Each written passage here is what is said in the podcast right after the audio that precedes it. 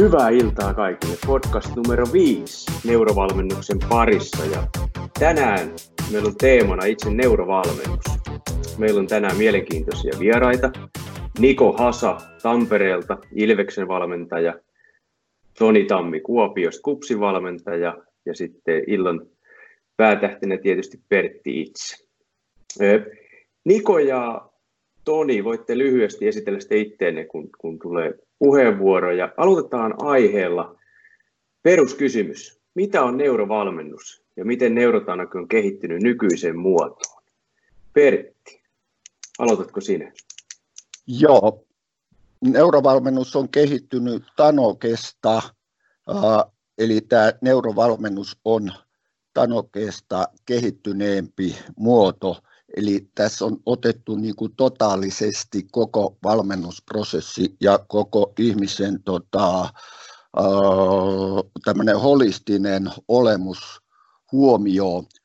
Eli tässä on otettu niin kuin nämä ihmisen senso, sensomotoriset valmiudet huomioon, jolloin me ollaan lisätty paljon tällaista havainnollista harjoittelu, sitten tässä on otettu niin kuin edelleen vahva tämmöinen koordinaatioharjoittelu ja motorinen harjoittelu, ja sitten tässä on niin kuin yhdistetty tällaiset motoriset ja kognitiiviset tehtävät, eli tämmöinen kognitiivispainointeinen harjoittelu on lisääntynyt paljon, ja edelleen meillä on tämä fyysinen valmennus tässä on hyvin oleellisena mukana. Eli nyt me puhutaan niin kuin lapsen tai nuoren kokonaisprofiilista, ja siinä niin kuin otettu, koitetaan valmentaa tätä nuorta alusta, tai lasta alusta alkaen mahdollisimman kokonaisvaltaisesti.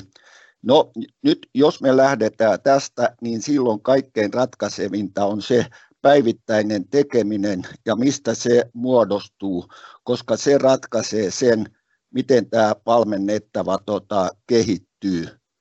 Ja nyt on täysin selvä, että lapsen on tarkkailtava omaa itseään, mitä sen omassa sen lapsen sisällä tapahtuu, ja samoin hänen on tarkkailtava ympäristöä ja pystyttävä reagoimaan tämän ympäristön antamiin stimulaatioihin. Ja nyt se, millaista valmennusta minäkin aikana annetaan lapselle, niin sillä on suora yhteys siihen, että miten me harjoittelemme, eli mitä me tehdään tänään siellä mikrotason harjoittelussa, niin sillä on hyvin keskeinen vaikutus siihen, miten tämä lapsi kehittyy. Eli neurovalmennuksen kannalta voidaan sanoa näin, että kaikki mitä teemme, tai mitä se lapsi tekee siellä kentällä tai valmentaja tekee, mitä me ajatellaan, mitä se lapsi ajattelee siellä harjoittelussa, kaikki mitä se aistii ja mitä se on siellä kentällä, niin se liittyy suoraan tähän lapsen aivojen ja aivojen kehittymiseen. Ja neurovalmennuksessa aivot ja tämä muu hermosto muodostaa perustan tälle harjoittelulle – Eli jalkapallo on näin ymmärrettynä hermojen ja lihasten ää, tuota, hallintaa, hallintaa tässä suhteessa. Eli aivot muodostaa kaiken perustan sille, mitä pelaaja kokee omaksi itsekseen tai valmentaja kokee omakseen itsekseen. Tässä suhteessa on järkevää ja osoittautunut myös käytännössä hyvin hyödylliseksi että me hommataan mahdollisimman paljon tota, aivoista tietoa. Tässä neurovalmennuksessa tämä harjoitus voidaan, tai valmennustapahtuma voidaan ohjata ihan solutasolle asti, jolloin me saadaan kuva siitä, mitä kaikkea siellä aivoissa tapahtuu, kun me harjoitellaan tai pelataan tai tietyssä ää, pelitilanteessa. Eli siellä tapahtuu hyvin erilaisia asioita ja mitä enemmän me ollaan tietoisia näistä asioista, sitä tarkempaa täsmävalmennukseen me voidaan siirtyä. Nyt tässä alussa voidaan heti sanoa, että tässä nyt me puhutaan, jos me puhutaan tällaisesta neurovalmennuksesta tai tutkitaan solutasolla aivotoimintoja, niin voidaan lähestyä niitä joko sähköisesti tai kemiallisesti. Eli kaikki se, mitä aivoissamme tällöin tapahtuu, on joko sähköisen tai kemiallisen viestinnän tulosta. Ja nyt me niin kuin tutkitaan tässä neurovalmennuksessa tai toteutetaan tai kentällä niin kuin tiedostetaan se, että miten nämä viestit kulkevat näissä meidän aistireseptoreista aivoihin, lihaksistoon ja niin poispäin. Eli ihan lyhyesti sanottuna tämä on niin kuin tämän eurovalmennuksen tota, keskeinen tehtävä. Sitten tietysti tämä neurovalmennus voidaan jakaa sillä tavalla motoriseen valmennukseen, taktiseen valmennukseen, tai sanotaan motoristekniseen valmennukseen, taktiseen valmennukseen, ja sitten henkiseen valmennukseen ja fyysiseen valmennukseen. Ja tässä neurovalmennuksessa toteutetaan tätä totaalista periaatetta, Eli nämä kaikki harjoituksen osa-alueet, mistä äsken puhuin, siis e, tekninen, taktinen, fyysinen ja henkinen, suoritetaan saman harjoitusyksikön alla. Eli näin. Kiitos. Tästä tulee aika luonnollinen linkki. E, Niko ja Toni, miten te tällä hetkellä omassa toiminnassa, omassa joukkueessa hyödynnätte neurotanokea ja, ja minkälaisia osia siitä ja miten käytännössä? Voisitteko te siitä vähän avata? Joo, eli moi kaikille, mä oon Niko Haasa Ilveksestä ja valmennan noita 06 poikia tällä hetkellä. Ja olen Pertin tuntenut vuodesta 2016 ja aika säännöllisesti, voidaan aika, aika hyvin sanoa, että viikoittain ollaan oltu tekemisissä ollaan soiteltu tai sitten varsinkin alkuaikoina mä kävin tosi paljon tutustumassa tähän Pertin metodiin ja kiinnostushan lähti liikkeelle Facebook-kirjoituksista, joka, joka niin kuin puhutteli, että oli niin kuin, ää, ymmärrystä lisääviä. Ja sit mun tausta on siis kasvatustieteiden puolelta ja sivuaineena on lukenut psykologiaa ja se on tietysti helpottanut sitä ää, voidaan puhua tämmöistä käsitetulvasta, mitä niin kuin Pertti tuonut paljon uusia tämmöisiä, ehkä jopa niin kuin semmoisia käsitteitä, mitä ei ole suomen kielessä yleisesti käytetty, mutta sitten taas tutkimuksen puolella on, on niin kuin tota, no, useimmin käytössä. Ja miten on sitten vaikuttanut muuhun tämä neurotanoke, niin mä olen ensinnäkin kiitollinen, että Pertti vähän avasi tätä, koska mulla oli semmoinen pieni pelko tässä, että mä joudun itse jäsentelemään tämän jutun, mutta siis oli hyvä, että tuli esille nämä osa-alueet, eli sensorinen, motorinen, koordinatiivinen, kognitiivinen, fyysinen, ja sitten mä ehkä jossain määrin lisäsin siihen vielä sen emotionaalisen. Ja sitten jos me lähdetään osa-alueiden kautta lähdetään liikkeelle ja miettiin, että, että okei, nämä kaikki liittyy, voidaan sanoa ihan, ihan varmasti, että kaikki liittyy valmentamiseen, kaikki liittyy sen pelaajan suorituskykyyn. Ne kaikki osa-alueet on vähän niin kuin löydettävissä, löydettävissä ihmisestä. Ja sitten neurotieteen puolellahan tästä on sitten tutkimusta, varsinkin sensorisesta, kognitiivisesta ja tuosta emotionaalisesta. Niin sitten sitä alkaa niin kuin ymmärtää, että varsinkin omassa toimintaympäristössä, että jos sitä metodia käyttää, niin on hyvä käyttää paljon aikaa myös opiskeluun, koska muuten sitä tulee, siitä voi tulla vähän semmoista, ei apinointia, mutta sitten se syvällisempi merkitys saattaa jäädä vähän niin kuin väli, voi niin kuin vähän jäädä välistä. Eli täytyy niin kuin käyttää oikeasti aikaa siihen, että perehtyy siihen, että mihin tässä nyt oikeasti pyritään vaikuttaa. Ja sitten kun se haastavuus, jos me puhutaan yksittäistä niin kuin tämmöisestä harjoituksesta, vaikka mitä neurotanokessa tehdään, niin kun siinä pyritään vielä niin kuin integroimaan näitä. Eli voidaan puhua, että, että meillä on niin kuin monia muuttujia siinä tietyssä kontekstissa ja sitten pelaajan haastavana tehtävänä niin kuin oman parhaansa muka, niin kuin oman kykynsä mukaan suoriutua näistä kaikista muuttujista huolimatta siitä harjoitteesta. Eli, eli käytännössä, että siellä saattaa olla ympäristössä saattaa olla liivejä, saattaa olla muiden, muita pelaajia, joiden liikkeitä täytyy nähdä samaan aikaan, kun toteutat jotain vaikeasti hallittavaa motorista suoritusta. Ja sitten sitä kynnystä tavallaan kun nostetaan, niin päästään kiinni siihen, että kuka on niin kuin vähän kliseisesti niin tämmöinen taitava pelaaja ja kuka sitten taas, kellä, kellä ne ongelmat alkaa niin kuin aikaisemmin. Ja sitten me voidaan, niin kuin, jos mietitään vaikka omaa ympäristöä, niin melko nopeasti semmoinen pelaaja, kyllä esimerkiksi tarkkaavuus, me puhutaan niin kuin vaikka tämmöistä emotionaalista, että onko niin kuin motivaatio tai kognitiivisesti, että onko niin kuin kapasiteettia, tai onko pelaajan ajatukset läsnä niin sanotusti, niin melko nopeasti semmoinen pelaaja jää kiinni, jos me aletaan lisää niitä muuttuja. Että tavallaan se prosessori ylikuormittuu tai sitten se prosessori ei ole valmis siihen kyllä se harjoitteeseen. Ja sitten kun pelaaja tottuu siihen, niin sitten se kyky siir- se niin kuin oman kokemuksen mukaan se stressinsietokyky paranee. Että siitä niin kuin voisi verrata tämmöiseen, niin kuin, en tiedä onko tämä hy- hyvä haku, mutta voisi itse kuvitella, kun on muutaman tuommoisen neurotanokreenin kokeillut tai kokeillut, kokeillut semmoista harjoitetta, niin voisi kuvitella, että joku hävittäjälentäjä voisi tuntua aika samalta, tai joku tämmöinen lentokone, että joutuu koko ajan niin kuin havainnoimaan, havainnoimaan ja keskittyy siihen omaan tekemiseen. Että ei, ei pääse niin kuin helpolla.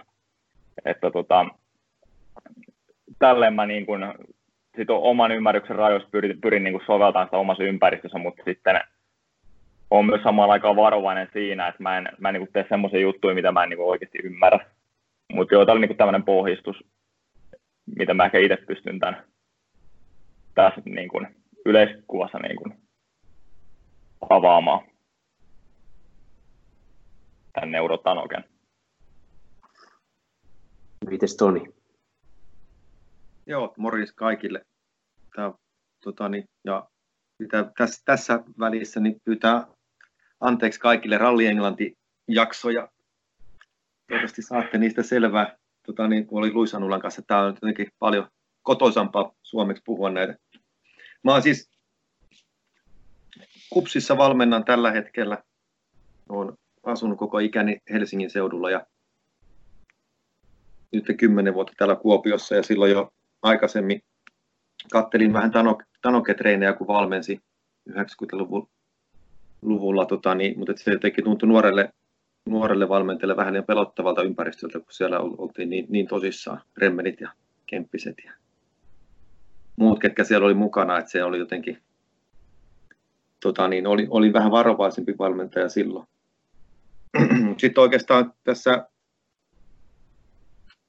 tässä kun omat, omat pojat tota, niin syntyi ja ryhdyin isivalmentajaksi, niin sitten alkoi kiinnostus, kiinnostus niin kuin Kemppisen neurotanokesysteemeihin ja sitten siitä asti on käynyt, käynyt koulutuksissa ja sanotaan näin, että suuren osa vapaa-ajasta käytän tähän. Että täällä Kuopion, Kuopion tai Kupsin junnujutuissa niin on sille leimautunut jo niin kuin taito, taitovalmentajaksi tai tämmöiseksi niin kuin motori, motoriikkavalmentajaksi. Ja tällä hetkellä on 2012 poikien kanssa niin vastuuvalmentajana ja mietin niin kuin, tai lähinnä tutkin, tutkin lähinnä niin kuin oman työn ohella, luokapettajan työn ohella sitä, että miten, miten lapsia autettaisiin niin liikunnan tai jalkapallon avulla siihen täyttämään se oma potentiaalinsa mahdollisimman tehokkaasti. Nykyään lapset ei liiku tarpeeksi ja ne on niin kuin kyllästytty niiden ympäristöpienten vaivojen nautinnoilla, mistä jo Iivosen kanssa puhuttiin silloin Iivosen ja Kemppisen kanssa, niin tämä on, neurotanoke on hyvä vastaus, hyvä vastaus niin kuin siihen, että, että tässä näin on meillä ryhmät on niin kuin lähtökohtaisesti heterogeenisia ja lähtökohta on siitä, että jokainen, jokainen lapsi saa tehdä sillä omalla tasollaan tätä taitovalmennusta. Tässä ei, ei, ei tarvita tasoryhmiä, kun harjoitellaan esimerkiksi taitojuttuja, vaan silloin pystyy eri ikäisetkin toimimaan samassa jutussa tai samassa harjoituksessa.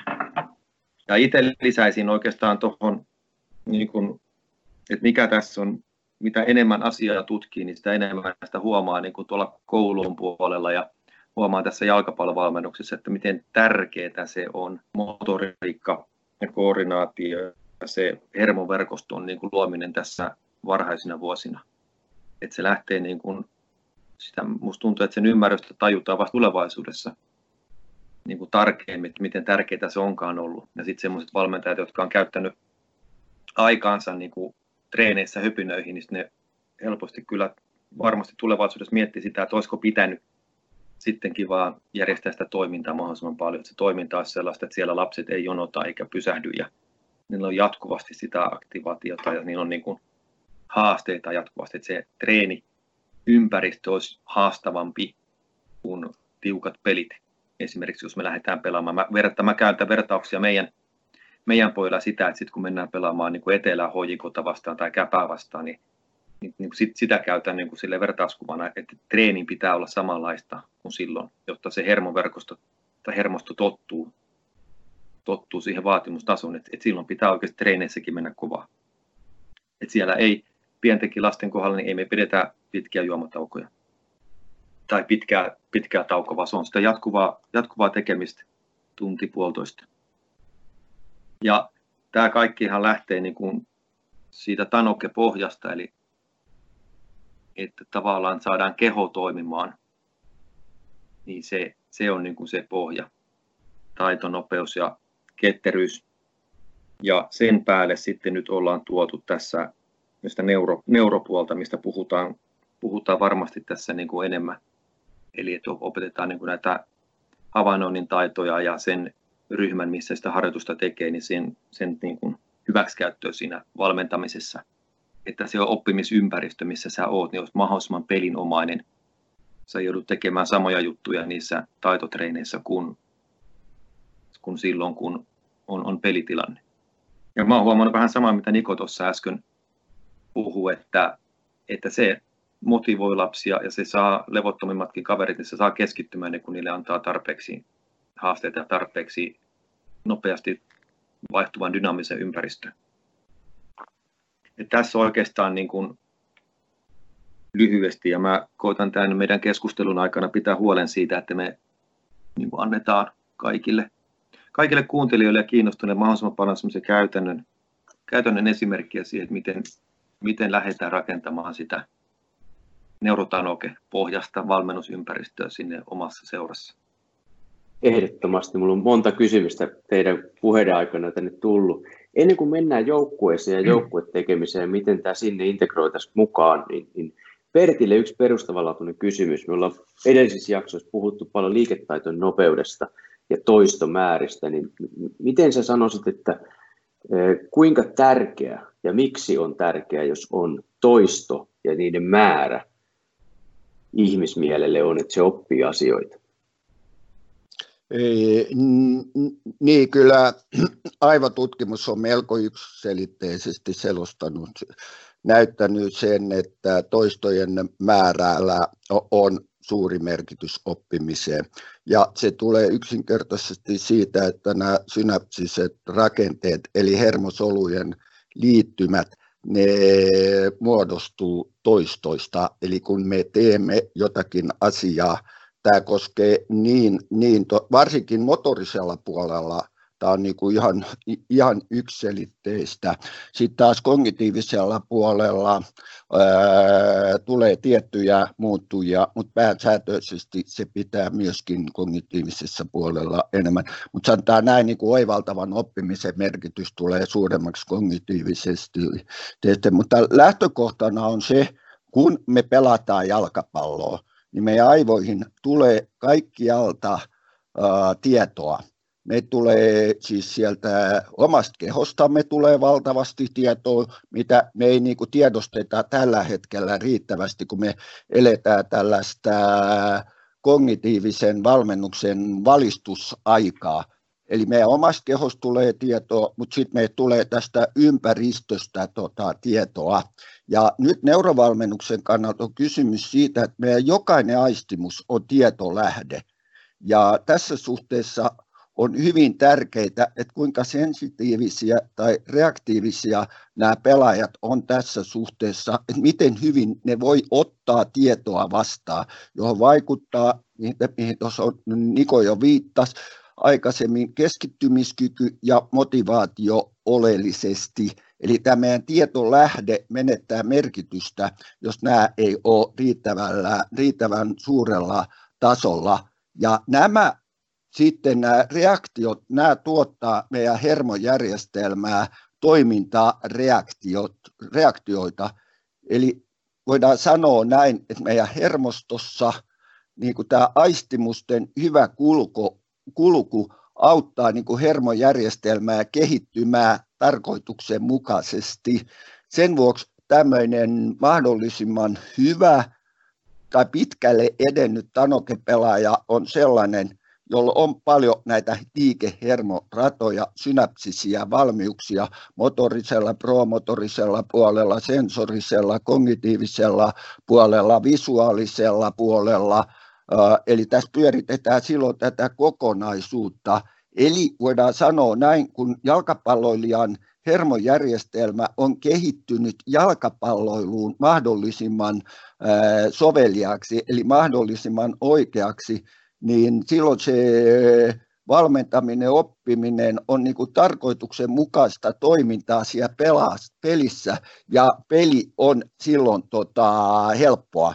Esimerkiksi jos pelaaja on riittävän taitava, niin pelaaminen tulee helpommaksi. Eli tässä suhteessa kysymys on, siis kun me puhutaan jalkapallossa oppimisessa, se on osa koko hermoston toimintaa, siis kokonaisvaltaista toimintaa. Eli suurin osa tästä valmennusprosessin yhteydessä koetusta oppimisista, siis tiedoista ja taidoista, perustuu aivojen kykyyn integroida motorista, sensorista, kognitiivista, visuaalista, emotionaalista tietä, siis tietämystä erilaisiin aistimuksiin ja pelitilanteisiin. Ja mitä paremmin tämä pystytään tekemään, sitä paremmin tämä meidän hermojärjestelmä toimii.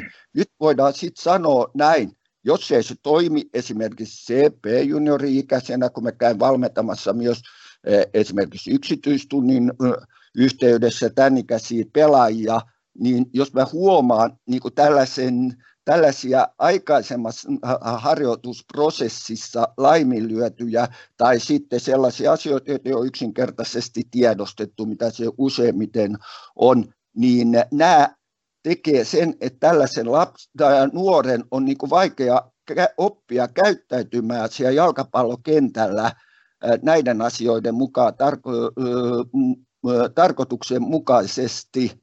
Eli, eli tässä suhteessa me voidaan sanoa, että meille, me ei olla saavutettu niin kuin sen tasosta jalkapalloa, mikä meillä on niin kuin ideaalisena tota,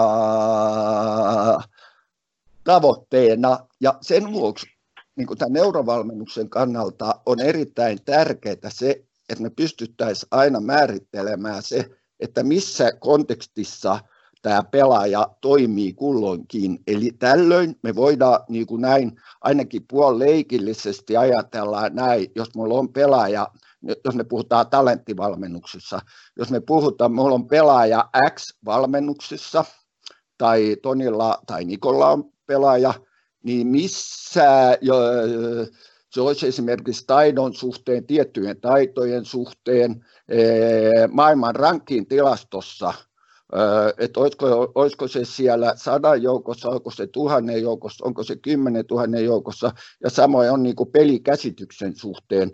Ja, ja tällöin tämän valmentajan on tietysti itse oltava niin jalkapallon valmennuksen osalta niin kuin oppinut, että hän pystyy niin kuin arvioimaan ja tekee jatkuvasti tällaista tota, arviointia ja sitten tavallaan niin kuin lisätä sinne aivoalueille ja niihin aivotoimintoihin tai kehon toimintoihin sitä valmennusta, jossa se kehon tai aivon toiminnat estää tietynlaista pelaamista. Eli näin lyhyesti sanottuna. Oikein hyvä. Niko ja, ja Toni, kiinnostava kysymys.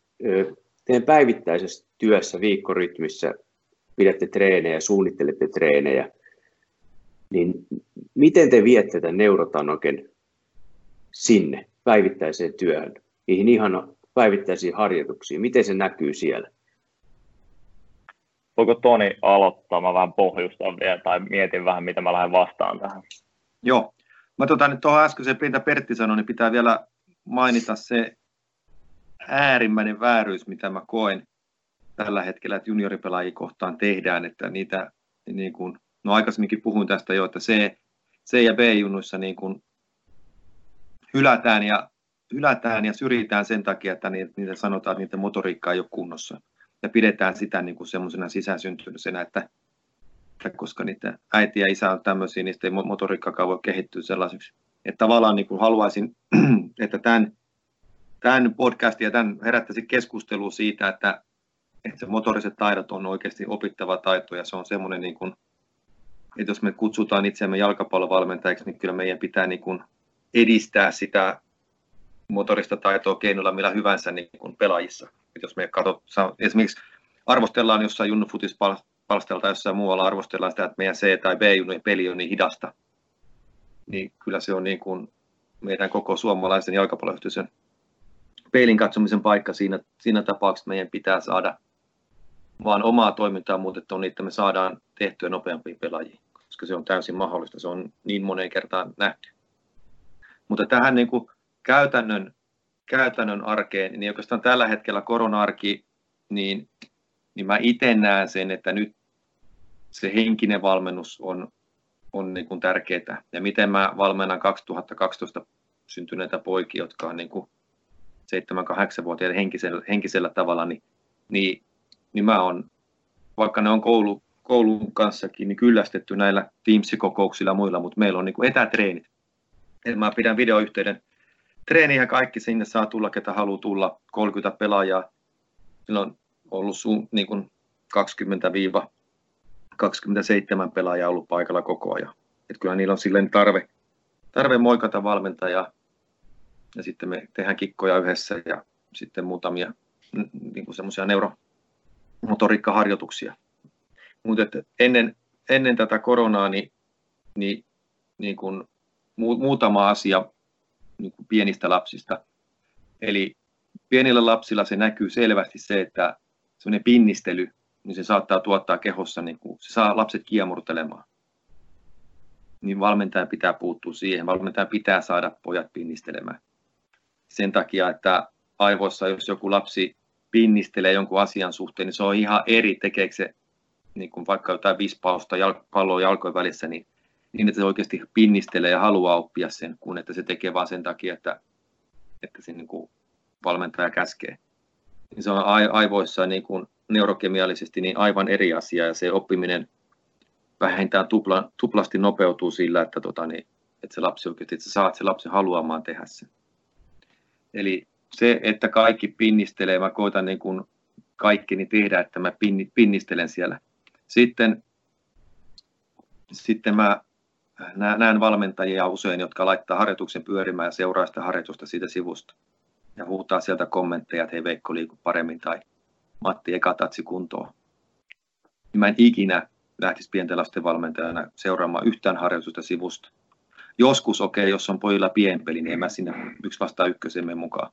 Mutta suurin osa harjoituksista on sitä, että valmentaja on siinä pitämässä yllä, yllä sitä aktiivisuutta koska lapsi on luonteeltaan, tai lapsen ajatukset saattaa helposti, niin kuin, tuo, aivot tuottaa sellaisia ajatuksia, niin kuin laiskuuteen viittavia ajatuksia. Eli kun kukaan ei näe, niin mä vispaan vähän, en, en vispaakaan tai yritäkään niin kovaa kuin mä jaksan enää yrittää, kun tämä yrittäminen tuntuu niin hankalalta, koska se koko muu kulttuuri sen treenien ulkopuolella ei tue sitä pinnistelijä yrittämistä nykyään. Niin siinä on niin kuin, tavallaan kaksi, kaksi asiaa. Mä sanon vielä tavallaan pari, pari havaintoa tuosta.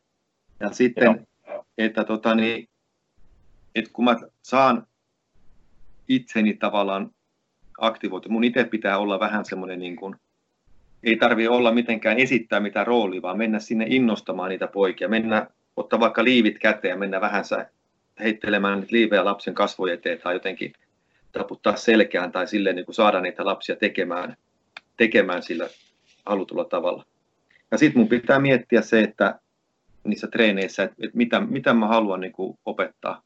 Koska opettaminen ja oppiminen on kaksi ihan eri asiaa. Sitä harva, niin kuin, harva tajuaa sitä, että se lapsi voi kokea sen mun, mun ajatuksen, mitä pitää tehdä, niin se voi kokea se ihan eri tavalla.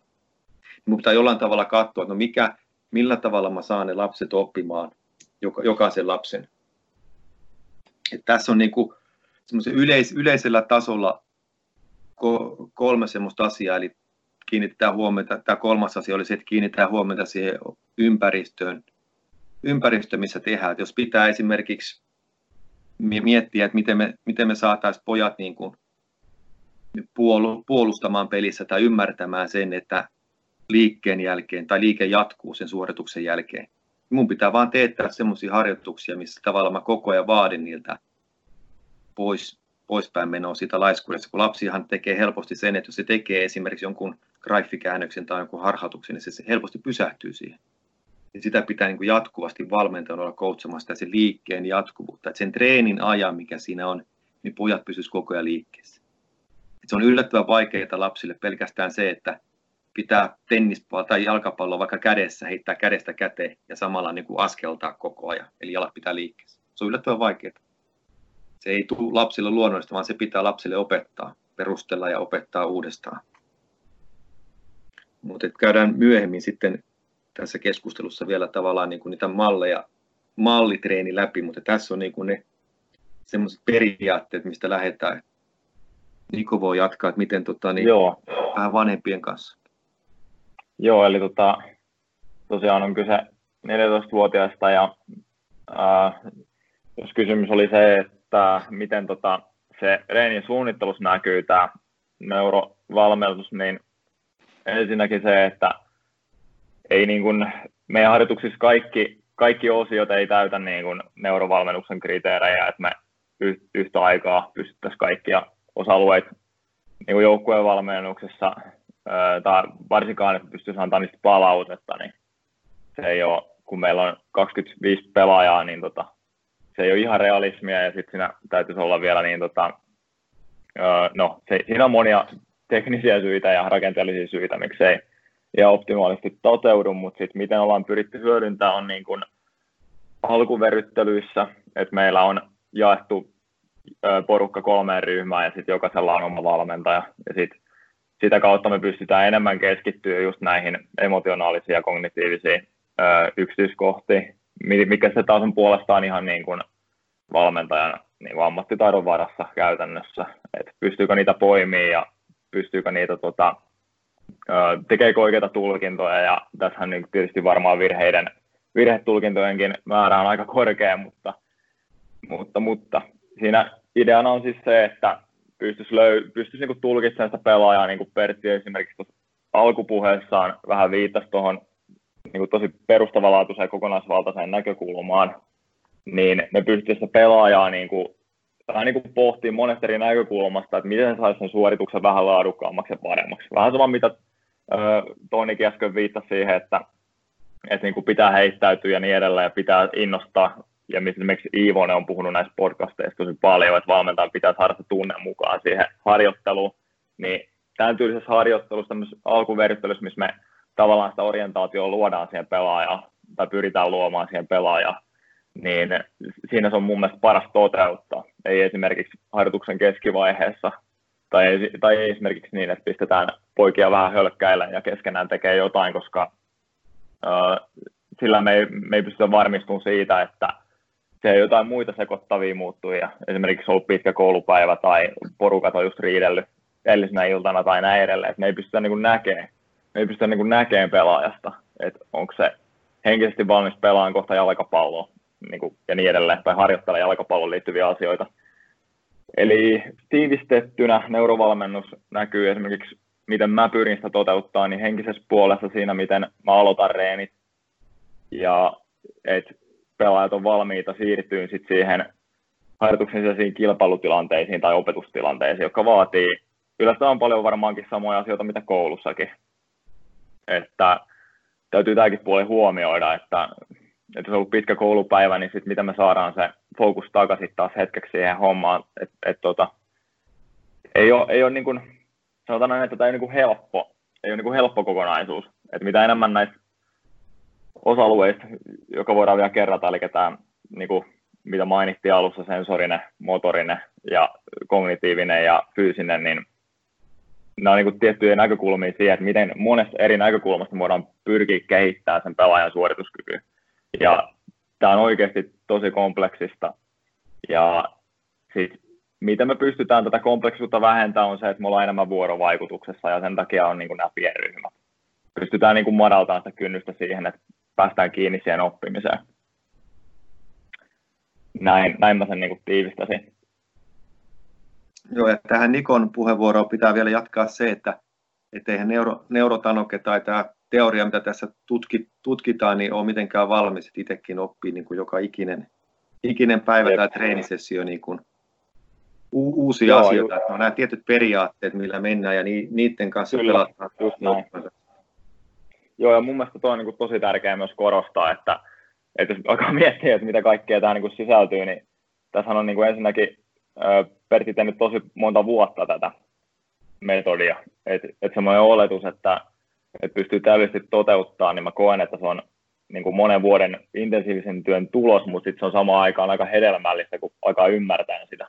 Ja sitten sitä pystyy niin kuin myös avaamaan myös keskustelua, että ei ota niin kuin kaikkea ihan valmiina, vaan niin kuin pyrkii vähän reflektoimaan ja niin kuin miettimään, että mitä tämä nyt oikeasti käytännössä tarkoittaa, kun sanotaan, että halutaan vaikka sensomotorinen integraatio tai joku tämmöinen, niin luoda siihen kontekstiin ja sitten sit miten siihen tulee vielä työmuisti ja tämmöiset asiat siihen niin kuin yksittäisen harjoituksen mukaan, niin teoriassahan se kuulostaa vaikealta, mutta sitten kun siihen alkaa saamaan enemmän esimerkkejä ja yhä enemmän sitä aikaa niin itse, itse niin kuin itseään haastaa ja sitten niitä pelaajia haastaa, niin sitten siinä nimenomaan niin kuin oppii myös. Että, mutta se on niin kuin aika, aika semmoinen, no sanoisin, että on niin kuin pitkä tie, mutta sitten niin kuin vähän tuossa sanoinkin, että on niin kuin hedelmällistä oppia koko ajan kuitenkin.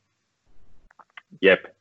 Joo, sekä Toni että Niko on molemmat käynyt tämän meidän pitkän kärkijoukko valmennuksen ja sieltä on nyt melko suuri joukko jo valmistautunut tällaisia nuoria innokkaita, sanotaan näin niin kuin neurovalmennuksen suhteen muutosagentteja, jotka voi sitten seuroissa viedä tätä ete, eteenpäin tätä asiaa niin kuin tässä suhteessa. Lisäksi meillä nyt vähän aikaa sitten valmistui tästä neurovalmennuksen periaatteesta tämmöinen e-kirja, jossa me pystytään niin kuin itse teoreettisen tällaisen paradigmaan tai viitekehyksen tota, pohjalta käsittelemään tätä mm, ö, valmennusta siis hyvin pitkälti niin kuin aivokuoren toiminnallisten tota, alueiden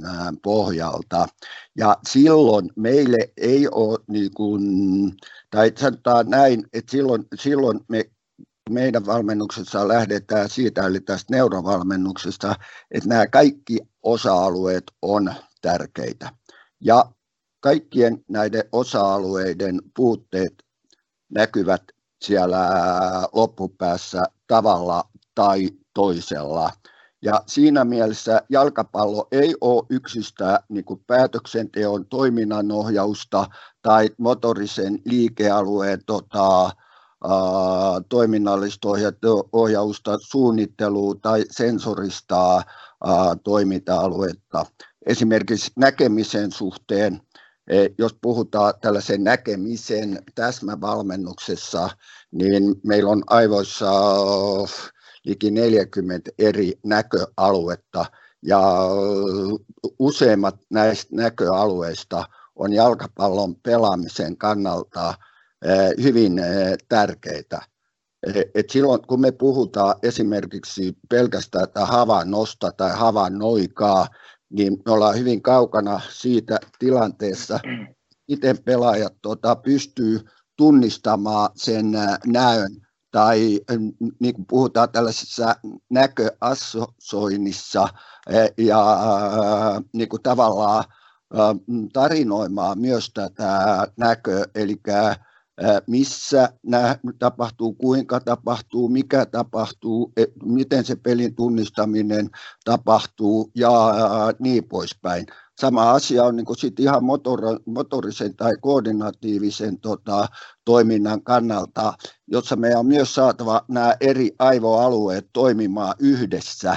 Ja silloin kun me ollaan pelissä, niin meidän täytyy saada niin kuin, tämä päätöksentekojärjestelmä, sitten tämä motorinen järjestelmä, visuaalinen järjestelmä, tämmöinen itsetietoisuus, ajattelun suunnittelu, tämä pelin järkeistely, siis e, ajatteleminen, puhutaan näin, tai sitten ihan tämmöinen emotionaalinen taso, e, niin meidän on saatava nämä kaikki toimimaan samanaikaisesti.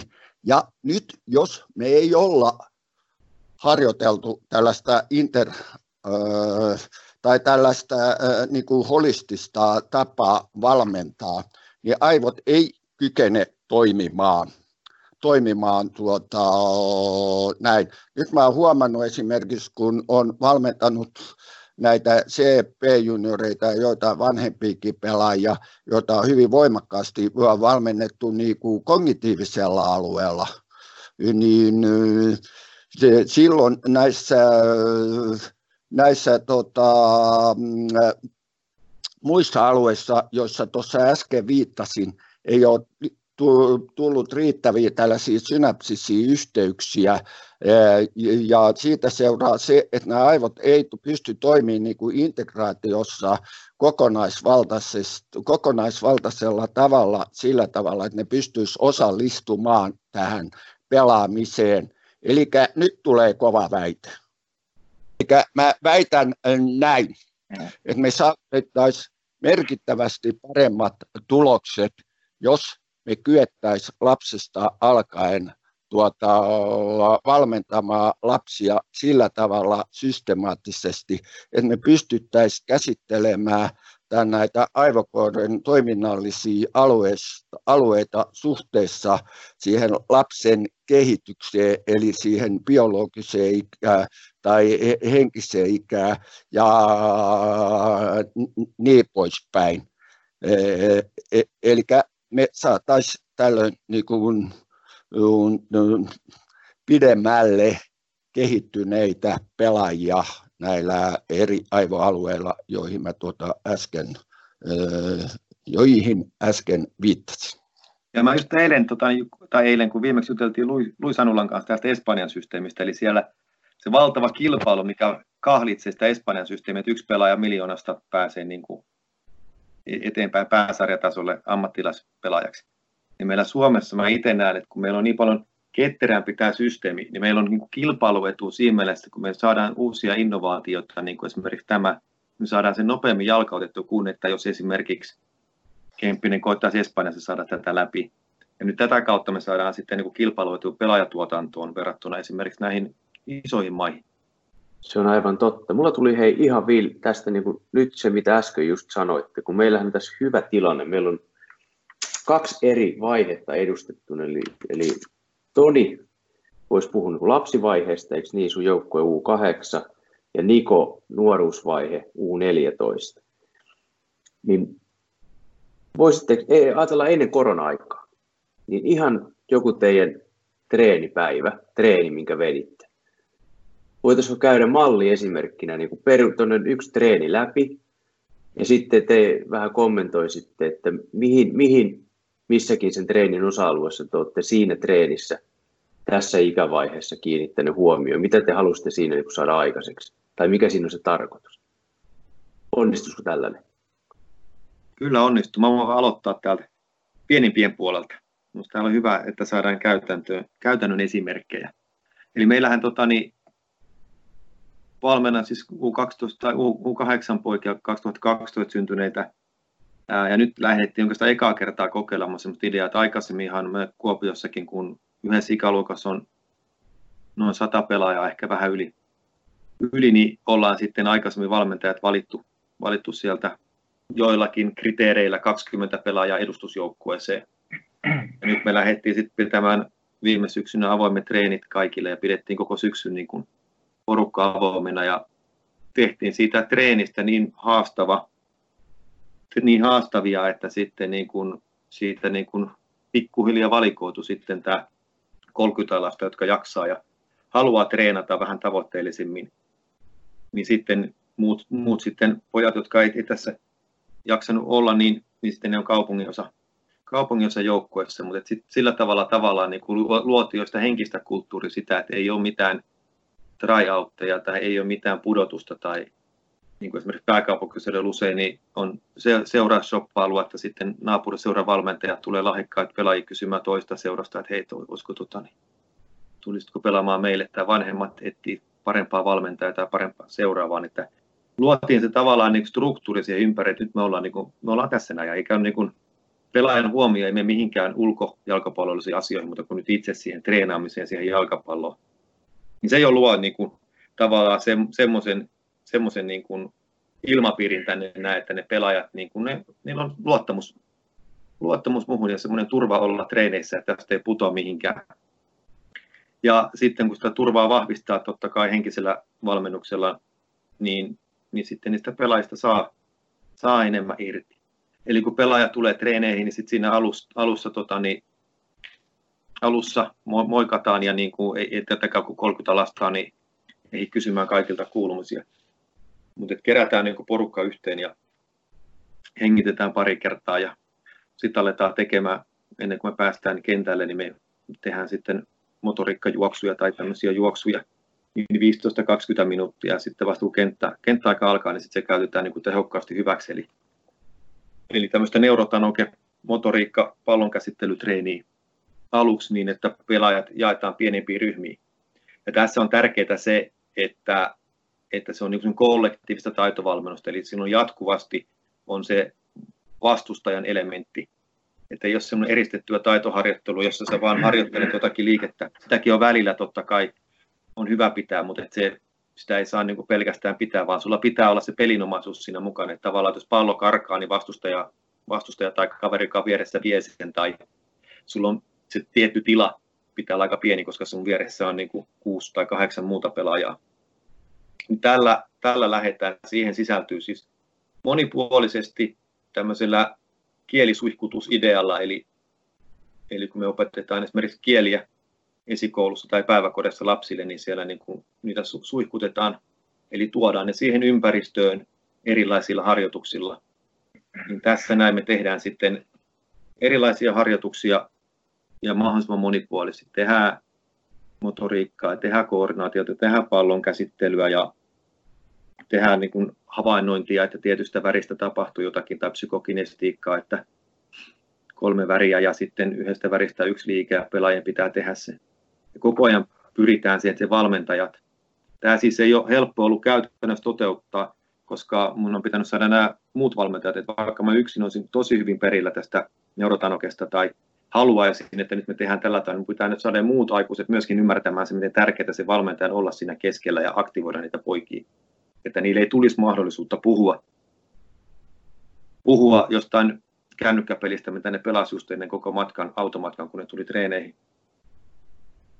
Ja Joo. sen jälkeen, tota niin, sen jälkeen jatketaan tästä sitten, niin kuin, äh, kun meillä KUPS, KUPSissa on kumminkin niin valmennuslinja, niin valmennuslinjan mukaisella teemalla, vuodenmukaisella teemalla, ja pelaajat laitetaan niin kuin rastisysteemillä, että on kaksi tai kolme, kolme rastia ja siellä 20 tai 30 minuuttia per rasti.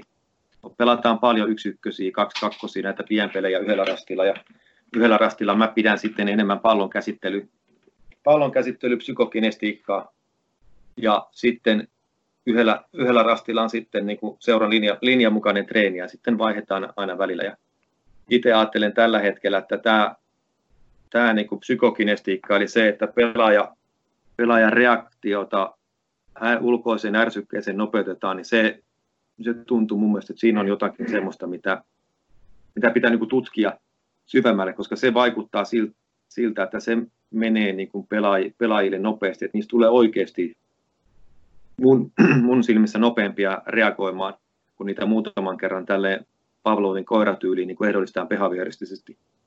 Et se on niin kuin semmoinen, mitä me tehdään, tai on huomannut sen, että siitä on niin kuin valtava hyöty. pelaajille. Ja sitten totta kai pelaajille pitää selittää, että miksi me tehdään asioita. Ja yksi esimerkki, miltä mä selitän asioita, on mä selitän niin kuin tällaisen lumihanki, lumihanki esimerkillä, eli aivoissa, jos halutaan saada hermorata nopeaksi tai reaktio nopeaksi, niin sitten se on vähän niin kuin eka kerta on semmoista lumihangen tarpomista, että siinä vaatii sitä pinnistelyä.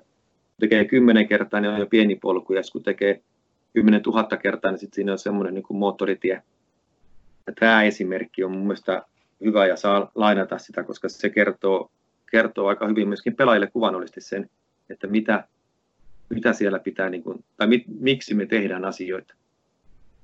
Ja sen niin kuin, ymmärtäminen myöskin tavallaan niille pelaajille pitää tuoda selväksi, että jos me halutaan, että opetetaan niille pelikäsitystä, niin, niin se vaan tuo niiden aivoihin lisää tilaa, kun niiden motoriikka ja pallon käsittely on kunnossa. Et kun pelissä sen pelaajan huomio ei mene enää siihen, että mihin se pallo osuu ja mikä tuntemus siitä tulee jalkaan, vaan että saadaan automaation tasolle esimerkiksi ensimmäinen kosketus tai ensimmäinen harhautus, kun saat pallon, niin sille jää yllättäen, niin jää pelissä niin tilaa semmoiselle oivaltavalle ratkaisulle, mistä valmentaja voi vaan ihmetellä, että mistäköhän toi tuli.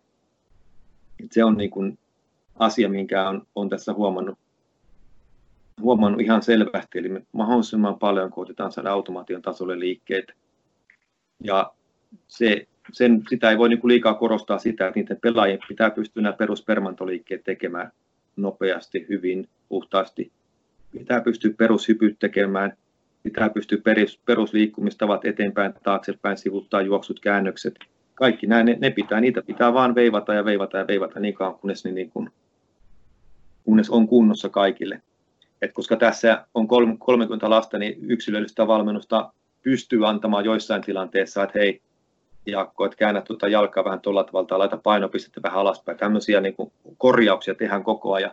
Mutta semmoista henkilökohtaista palautetta ei pysty antaa, vaan se on sitä, että se ympäristön pitää olla semmoinen, että siinä sitten mennään kovaa, tai jos et mene kovaa, niin sitten sä menetät pallon, tai et pysty tekemään sitä liikettä. Et se, niin kuin, se ympäristön luominen on se, mihin, missä, niin kuin, missä mihin keskitytään. Ja sitten totta kai yksi näistä rassista pitää olla sellainen pelirasti, missä valmentaja ei ole siinä kentällä huutamassa pelaajille ohjeta, että Veikko kaksi metriä vasemmalla ja Ville kolme metriä oikealla ja nyt saadaan kolmi aikaiseksi, vaan sitten pitää antaa pikkusen niissä pelirastissa sitten niille sitä siimaa ja tavallaan tarkkailla siinä, että no miten, miten hyvin ne on oppinut, oppinut sitä teemaa, mitä sillä hetkellä harjoitellaan.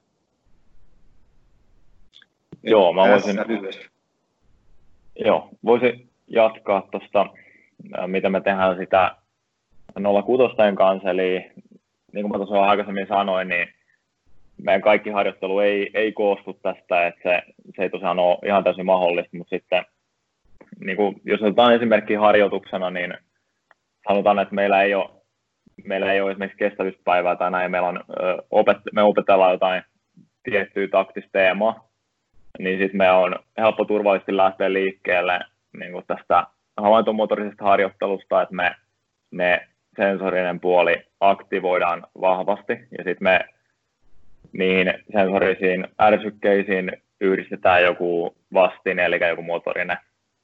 Eli tämä sama psykokinestiikka, mistä Toni tuossa äsken puhu, niin se me pyritään saamaan alkuun, me saadaan sillä se tarkkaavuus niille pelaajille hyväksi ja ne on sitten valmiita siirtyä pelinomaisempaan harjoitteluun, siis peliomaisempi silleen, että siinä tulee oikeasti vastustaja ja niin oikeasti peli, jossa on esimerkiksi pallohallintatavoite tai joku tämmöinen. Ja tämä psykokinestiikka-osuus tai neurotanoke-teemainen osuus, niin se voi kestää puoli tuntia ja tällä me tehdään siis pienryhmissä. Et meillä on se kolme pienryhmää ja mä itse, itse toteutan sitä neurotanokea, sitten lähtökohtaisesti yksi valmentaja ottaa pelipaikkakohtaista, joka sitten liittyy enemmän niin kuin pelaajien tarpeisiin ja siihen ei välttämättä liity havaintomotoriset asiat, siihen liittyy enemmän se taktinen keskustelu ja toistot ja niin edelleen. Ja sitten me pyritään tässä puolituntisen aikana aktivoinnit tekemään liikkuvuudet ja nostaa sitä intensiteettiä sillä vähitellen, että sitten pystyy pelaamaan antaa kaikkeensa sit seuraavassa osuudessa.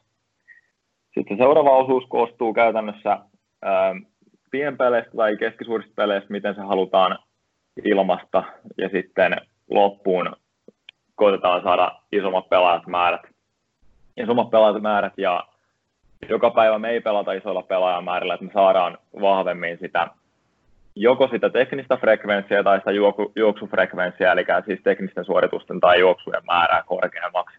Ja sitten sitä tietysti ö, kenttä koko aikaa näitä manipuloimalla, niin saadaan sitten sitä fyysistä puolta niin kuin täsmennettyä. Ja tämä on käytännössä meidän yksittäinen harjoite, ja sitten loppuun me ollaan yleensä tehty sitten liikkuvuutta ihan vaan siitä syystä, että tässä meidän joukkueessa niin on suurimmalla osalla haasteita niin kuin liikeradoissa, niin siitä syystä me on pitänyt aina koronan alkuun asti niin jumpata ihan näitä perusliikkuvuusliikkeitä. Ja me ollaan tehty niitä pitkän kaavan kautta ja me ollaan nähty semmoisena hyvänä hetkenä myös jutella poikien kanssa ja jutella myös muista asioista ja näin että se on semmoinen niin kevyt tiputus reeneistä, jossa pyritään sitten muuten vetämään korkealla intensiteetillä.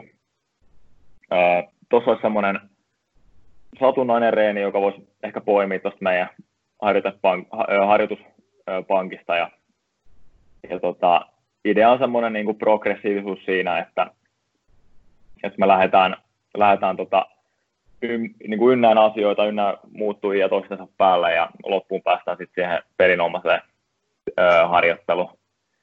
Mutta pyritään, mä vielä sanon, että me pyritään siis tekemään tämä joukkueen näköiseksi Eh, sillä joukkueen tarpeiden mukaan, että, että pyritään välttämään oikomista, mutta sitten taas toisaalta, koska kyseessä on jo 14-vuotiaat, niin meidän täytyy ottaa se taktinenkin vahvemmin mukaan. Joo. Joo, mä vielä sen verran sanoin, miten eh, tässä Neurotanokessa toteutetaan tätä periaatetta. Siis eh, mitä pidemmälle itse on edennyt tässä neurotanokessa tai sanotaan niin kuin aivojen ymmärtämisessä, aivotutkimuksesta ja niin poispäin, niin on yhdistänyt tämän Tanoke-valmennuksen tähän neuro Tanokeeseen. Nyt tietysti viime aikoina on hyvin voimakkaasti kehittänyt tätä kognitiivista valmennusta, eli tiedollista valmennusta, ja mullahan on aika pitkälle niin kuin tämä espanjalainen viitekehys, siis se sekä koulutuksen kautta että sitä oma innostuksen kautta myös niin kuin, uh, hommattu, eli se, miten tämä tiedon var, varastointi tapahtuu lapsella tai miten tämä tiedon käsittely tapahtuu erilaisissa niin kuin ikävaiheessa, tai mitkä on ennen kaikkea nyt, mitkä on lapsen valmiudet tiedon vastaanottoon. Ja itse ajattelen näin, että koska alle 12-vuotiaan lapsen tiedon vastaanotto kyky on vielä niin paljon merkittävästi heikompi kuin esimerkiksi tämän ikäisillä, millä Niko valmentaa, niin sen vuoksi me pannaan niin kuin, näihin motorisiin tai teknismotorisiin valmiuksiin hyvin paljon paukkuja. Silloin justi hiljattain lapsille sanoin sitä, että kun lapsi on riittävän taitava, vertauskuvana voidaan käyttää vaikka Neymaria, niin hän selviää aina – näistä yksi vastaan yksi pelitilanteissa ja lisäksi hänen on myös helpompi tukea muita pelaajia. Ja sillä on myös valtava psykologinen merkitys, jos tämmöinen taitava, varma pelaaja on siinä tukemassa sua, niin se on vähän sama kuin jengissä on joku iso iso jätkä siellä mukana, johon voidaan niin kuin, turvautua. Tämä on niin kuin esimerkki siitä henkisestä valmennuksessa, että me niin kuin pyritään treppaamaan näiden pelaajien itsetuntoon niin kuin tässä suhteessa. Mutta sitten jos me puhutaan ihan esimerkiksi puhutaan taitovalmennuksesta, niin meillä on jo jaettu, kun me ollaan parikymmentä vuotta tätä ja koko ajan taitovalmennusta kehitytty, tutkittu, kirjoitettu, videoitu ja niin poispäin, niin me ollaan jaettu niin, kuin niin pieniä osia. Esimerkiksi jos me puhutaan tällaisesta neurovalmennuspomputtelusta, joka eroaa niin kuin tästä vanhasta tekniikkakilpailumaisesta pomputtelusta sillä, että siinä joutuu koko ajan havainnoimaan ympäristöä muita pelaajia. Ja mahdollisesti näitä valmentajia antaa jonkun muun antavia merkkejä, niitä voi tulla eri puolilta, niin silloin me mennään, niin kuin nyt ihan viime aikoina ollaan harjoiteltu jalan käsittelemään tai pallon käsittelemistä erilaisilla kierteillä, siis sisäpäin, ulospäin, ulkosyrjällä, sisäsyrjällä tapahtuva siis pomputtelun, ponnauttelun aikana ja näin, näin ja näin poispäin. E, eli nyt jos me ajatellaan näin, että me käydään kaikki, kaikki tota taidon osa-alueet, ja myös niin kuin teknistaktiset asiat, esimerkiksi seinäsyöttö, tuplaseinäsyöttö tai erilaiset tota, taustalta kierrot kahdella, kolmella, neljällä pelaajalla tai niin poispäin. Niin, öö, öö, mä pidän erittäin tärkeää, että nämä on hallinnassa – sen jälkeen, kun me mennään kentälle ja me ruvetaan jakamaan näitä kenttiä esimerkiksi erilaisiin sektoreihin, viiteen sektoriin, keskisektorit, laitasektorit ja nämä välisektorit, ja et, et miten me käytetään näitä teknistaktisia taitoja tässä, tässä tota, kontekstissa.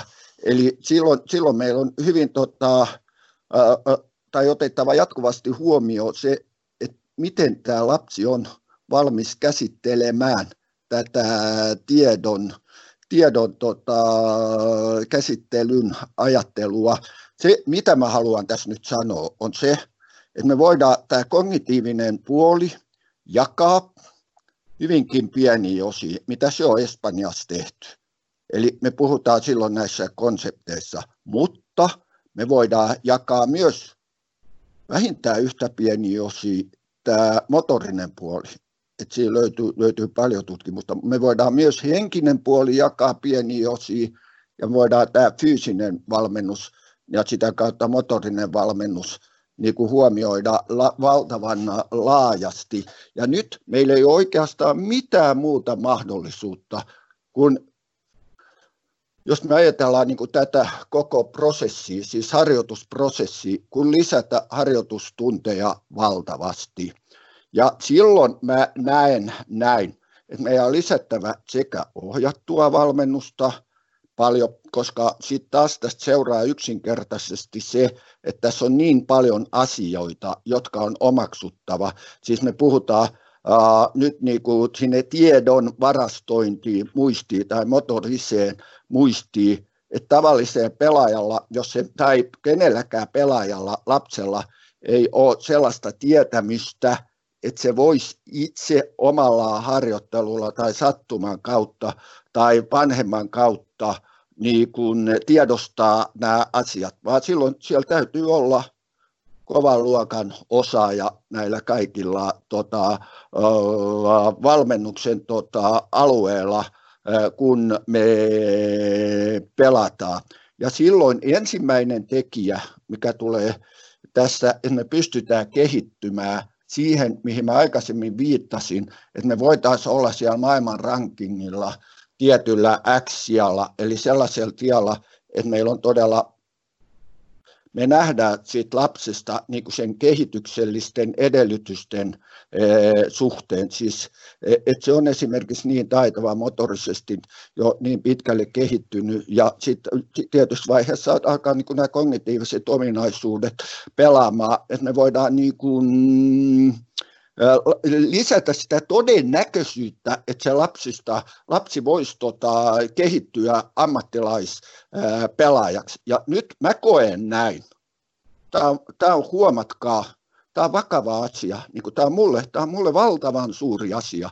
Niin mä koen näin, että ne toimitaan aivan liian sattumanvaraisesti niin kuin tässä suhteessa. E, eli me harjoitellaan liian pienillä harjoitus tota, tuntimäärillä.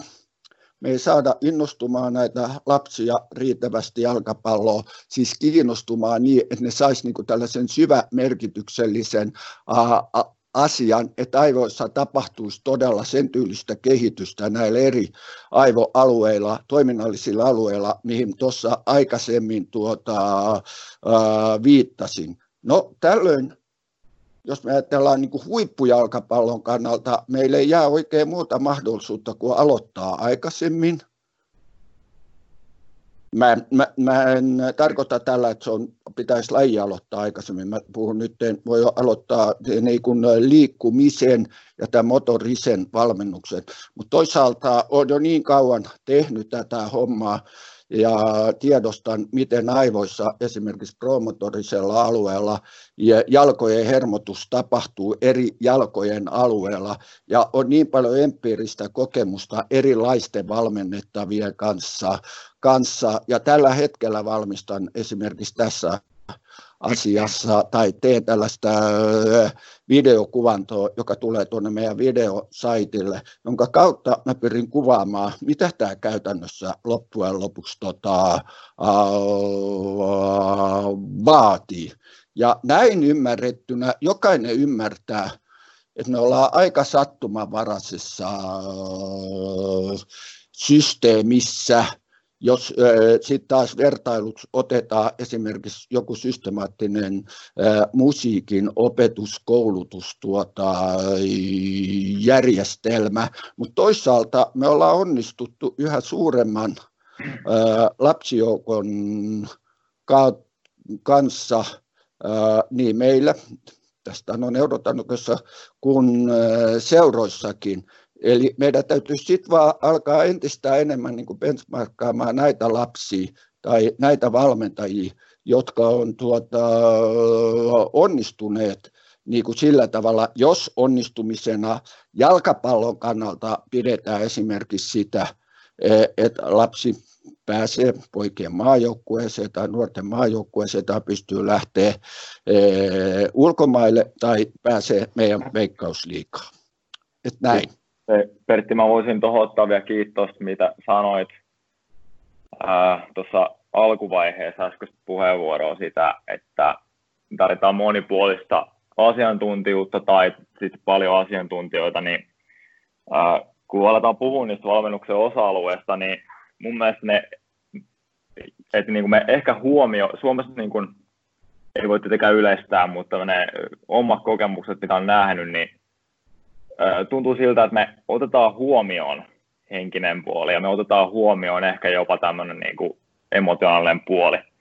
Mutta valmennetaanko me henkistä puolta ja valmennetaanko me emotionaalista puolta? Tämä on mun mielestä se niin kuin samassa merkityksessä, missä me valmennetaan teknistä ja taktista puolta. Onko ne niin kuin yhtä merkityksellisiä asioita niin kuin jalkapallosta tai koetaanko me ne yhtä merkityksellisiksi asioiksi? Ja mun mielestä tässä tulee niin kuin isoimmat haasteet, kun vertaa esimerkiksi kun miettii esimerkiksi suomalaisen pelaajan adaptoitumista eurooppalaiseen kilpailuympäristöön, tai ei voi sanoa Eurooppa, me ollaan itsekin Euroopassa, mutta siis jos puhutaan vaikka, että pelaaja X lähtee nyt Veikkausliigasta Saksaan tai Veikkausliigasta Ruotsiin ja Veikkaus ihan sama minne, niin se kilpailu kovenee näin, mutta sitten ymmärretäänkö me ihan täysin Suomessa siitä, että millainen tämä kasvatusrooli, kasvatusvastuu ja käyttäytymisen – myös käyttäytymisen kehittämisen vastuu valmentajilla on siinä, miten esimerkiksi kehonkieli, kommunikointi vaikuttaa siihen, että valitaanko tiettyyn akatemia.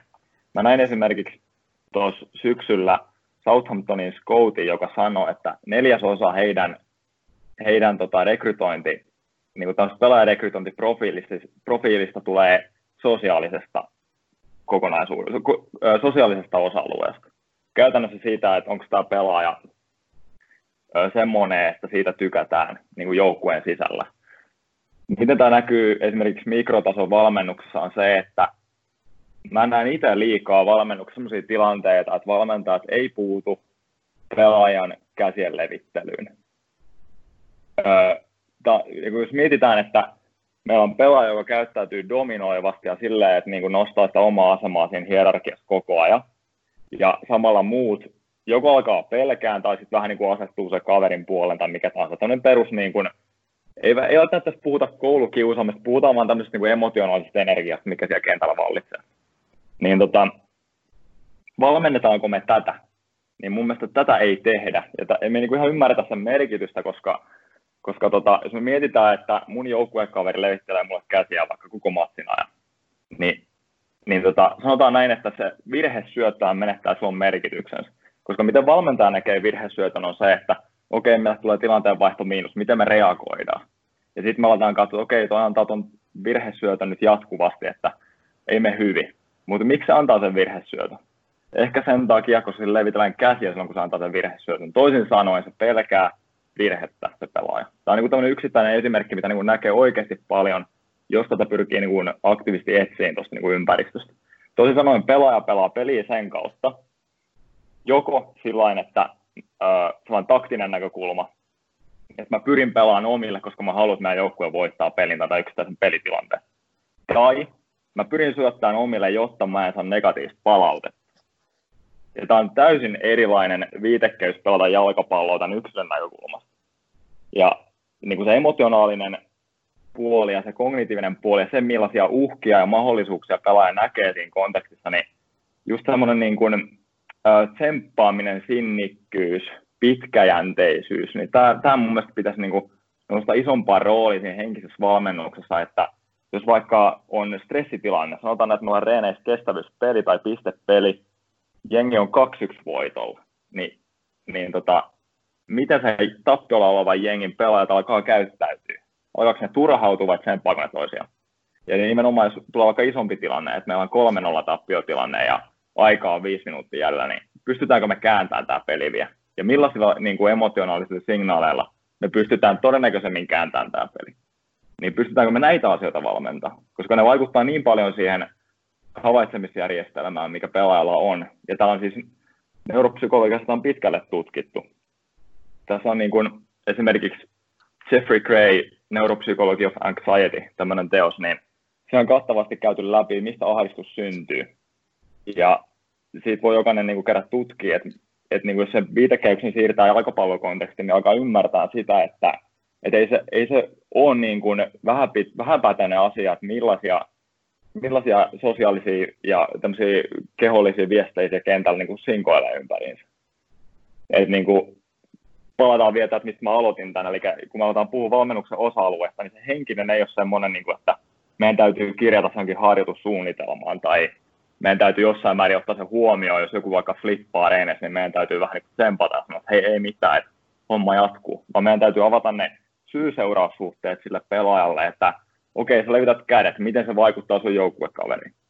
Mitä sun joukkuekaveri, saako, se, saako tällainen käyttäytyminen sun joukkuekaverin tykkää susta, tai saako tällainen käyttäytyminen sun joukkuekaverin antaa itsestään enemmän?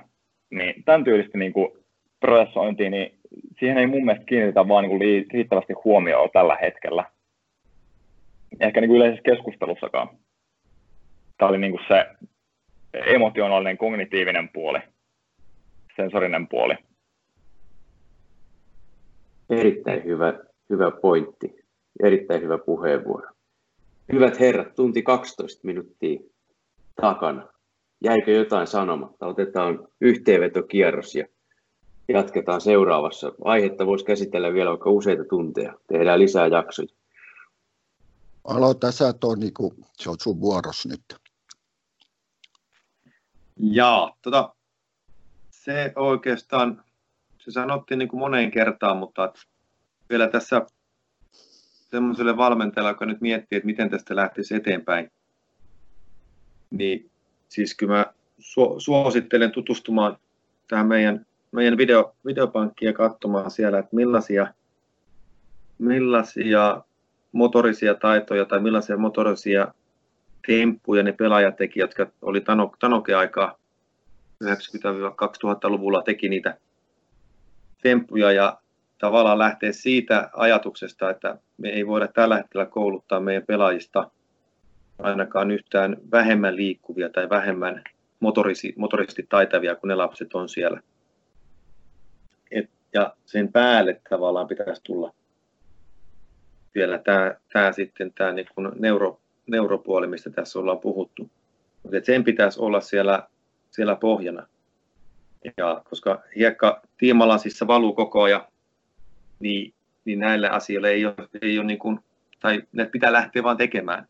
Ne pystyy aloittamaan jo, jo sitten tänään antamalla etäohjeita pelaajille tai sitten kun treenikentät aukeaa, niin antamaan niille niin kuin se ärsykkeen siitä, että okei, nyt lähdetään tekemään teistä niin kuin motorisesti taitavia, pallo, pallotaitavia pelaajia. Jos lähdetään niin kuin ihan sitä pienten pienten valmennuksesta ja sen jälkeen sitten tota, niin, tekee sitten muut. Mutta oli mielenkiintoista kuunnella ja mielenkiintoista keskustella. Kiitos kaikille. Joo. E, mä näkisin, äh, lähestyisi tätä loppuvedossa näin, että jokaisella mun valmennettavalla tai suomalaisella jalkapalloilijalla on tietty neurologinen valmius pelata jalkapalloa, eli me puhutaan, voidaan puhua tällaisessa neurologisessa statuksessa.